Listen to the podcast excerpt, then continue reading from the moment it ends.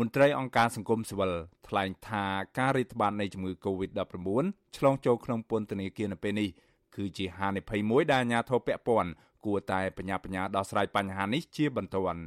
ប្រធានសមាគមប្រជាធិបតេយ្យឯករាជ្យនៃសេដ្ឋកិច្ចក្រៅប្រព័ន្ធលោកវុនពៅឲ្យដឹងនៅថ្ងៃទី8មិថុនាថាស្ថានភាពរាលដាលនៃជំងឺ Covid-19 នៅក្នុងពន្ធនាគារអំឡុងពេលនេះហាក់កាន់តែធ្ងន់ធ្ងរនិងគួរឲ្យព្រួយបារម្ភ មន្ត្រីអង្គការសង្គមស៊ីវិលរូបនេះបន្តថាជនជាប់ឃុំប្រឈមនឹងជួបគ្រោះថ្នាក់ធំប៉ះសិនបាអាញាធរពពាន់នៅតែបន្តបិទបាំងព័ត៌មានអំពីការឆ្លងជំងឺ Covid-19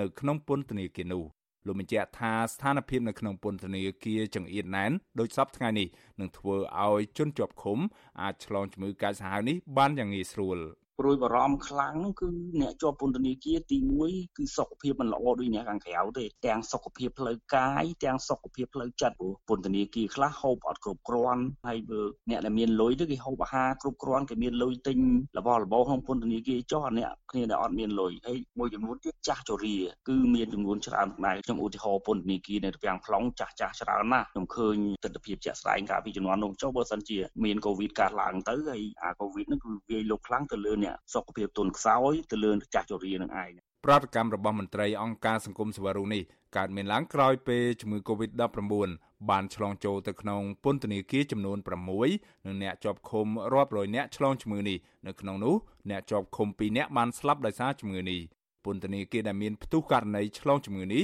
រួមមាននៅរាជធានីភ្នំពេញខេត្តកណ្ដាលកំពង់ស្ពឺព្រះសីហនុបន្ទាយមានជ័យនិងខេត្តស្វាយរៀង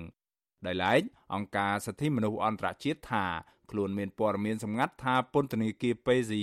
ឬពន្ធនាគាររាជធានីភ្នំពេញមានអ្នកជាប់ឃុំរាប់រយអ្នកឆ្លងជំងឺនេះដែរក៏ប៉ុន្តែរដ្ឋាភិបាលបានលាក់ព័ត៌មាននេះទូយ៉ាងណាអាជ្ញាធរពាក់ព័ន្ធមិនបានបញ្ចេញព័ត៌មានពីការឆ្លង និងវិធានការជាក់លាក់ដើម្បីទប់ស្កាត់ការឆ្លងជំងឺនេះនៅក្នុងពន្ធនាគារនៅឡើយទេ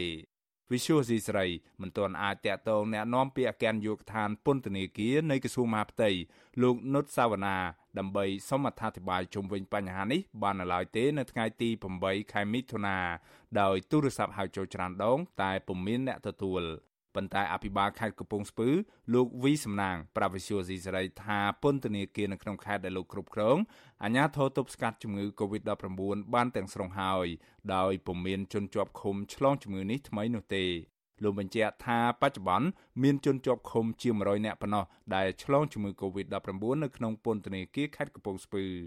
នៅពេលដែលយើងដឹងភ្លាមភ្លាមហ្នឹងគឺយើងញែកញែកឲ្យគាត់អ្នកដែលគាត់មានបញ្ហាហ្នឹងនៅមួយជាងហើយយើងវាយ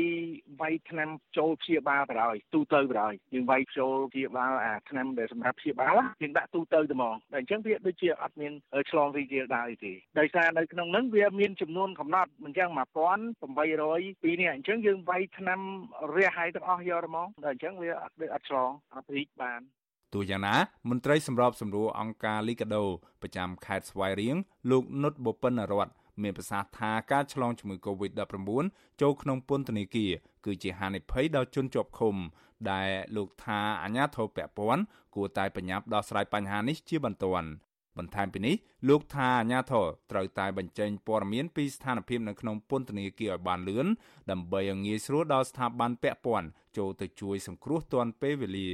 ក្នុងពន្ធនាគារបើសិនតែមានល្មួយល្បូតទៅគឺឆ្លងនេះច្រើនណាស់អញ្ចឹងត្រូវការខាងសង្គមដូចខ្ញុំអីក៏ត្រូវការមានការជួយផ្សព្វផ្សាយព័ត៌មានហ្នឹងបើសិនជាមានការសង្ស័យថ្នាំមួយត្រូវជូនព័ត៌មានតើអាចសង្គមវិលជួយបានជួយចំណុចណាបានអីបានយើងត្រូវផ្ដល់ព័ត៌មានឲ្យទៀតដើម្បីខាងខ្ញុំអាចពំនាំពាក្យហ្នឹងទៅសាច់ញាតិអ្នកដែលអស់ហ្នឹងបានណាបាទ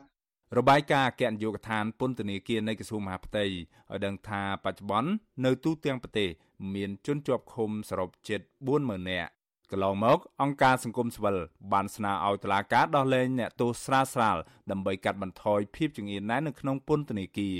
ក៏ប៉ុន្តែរហូតមកទល់ពេលនេះពុំទាន់មានដំណោះស្រាយនោះទេក្រុមអង្គការជាតិនិងអន្តរជាតិសោកស្ដាយដែលរបបលោកហ៊ុនសែនមានលេសមិនចេះចប់មិនចេះហើយដើម្បីគេចវេះពីការដោះលែងអ្នកជាប់ឃុំដែលកំពុងប្រឈមគ្រោះថ្នាក់ធំនៃការឆ្លងរាតត្បាតជំងឺ Covid-19 នោះ ពួកគេប្រមានថាគ្រោះមហន្តរាយក្នុងពន្ធនាគារនឹងកើតឡើងធ្ងន់ធ្ងរប្រសិនបើអាជ្ញាធររបបលោកហ៊ុនសែននៅតែបន្តលាក់បាំងព័ត៌មាននិងចេះតែរកលេសដោះសារមិនព្រមចាត់វិធានការជាក់ស្ដែងបែបនេះខ្ញុំបាទមេរិត Visual C ស្រីរាយការណ៍ពីរដ្ឋធានី Washington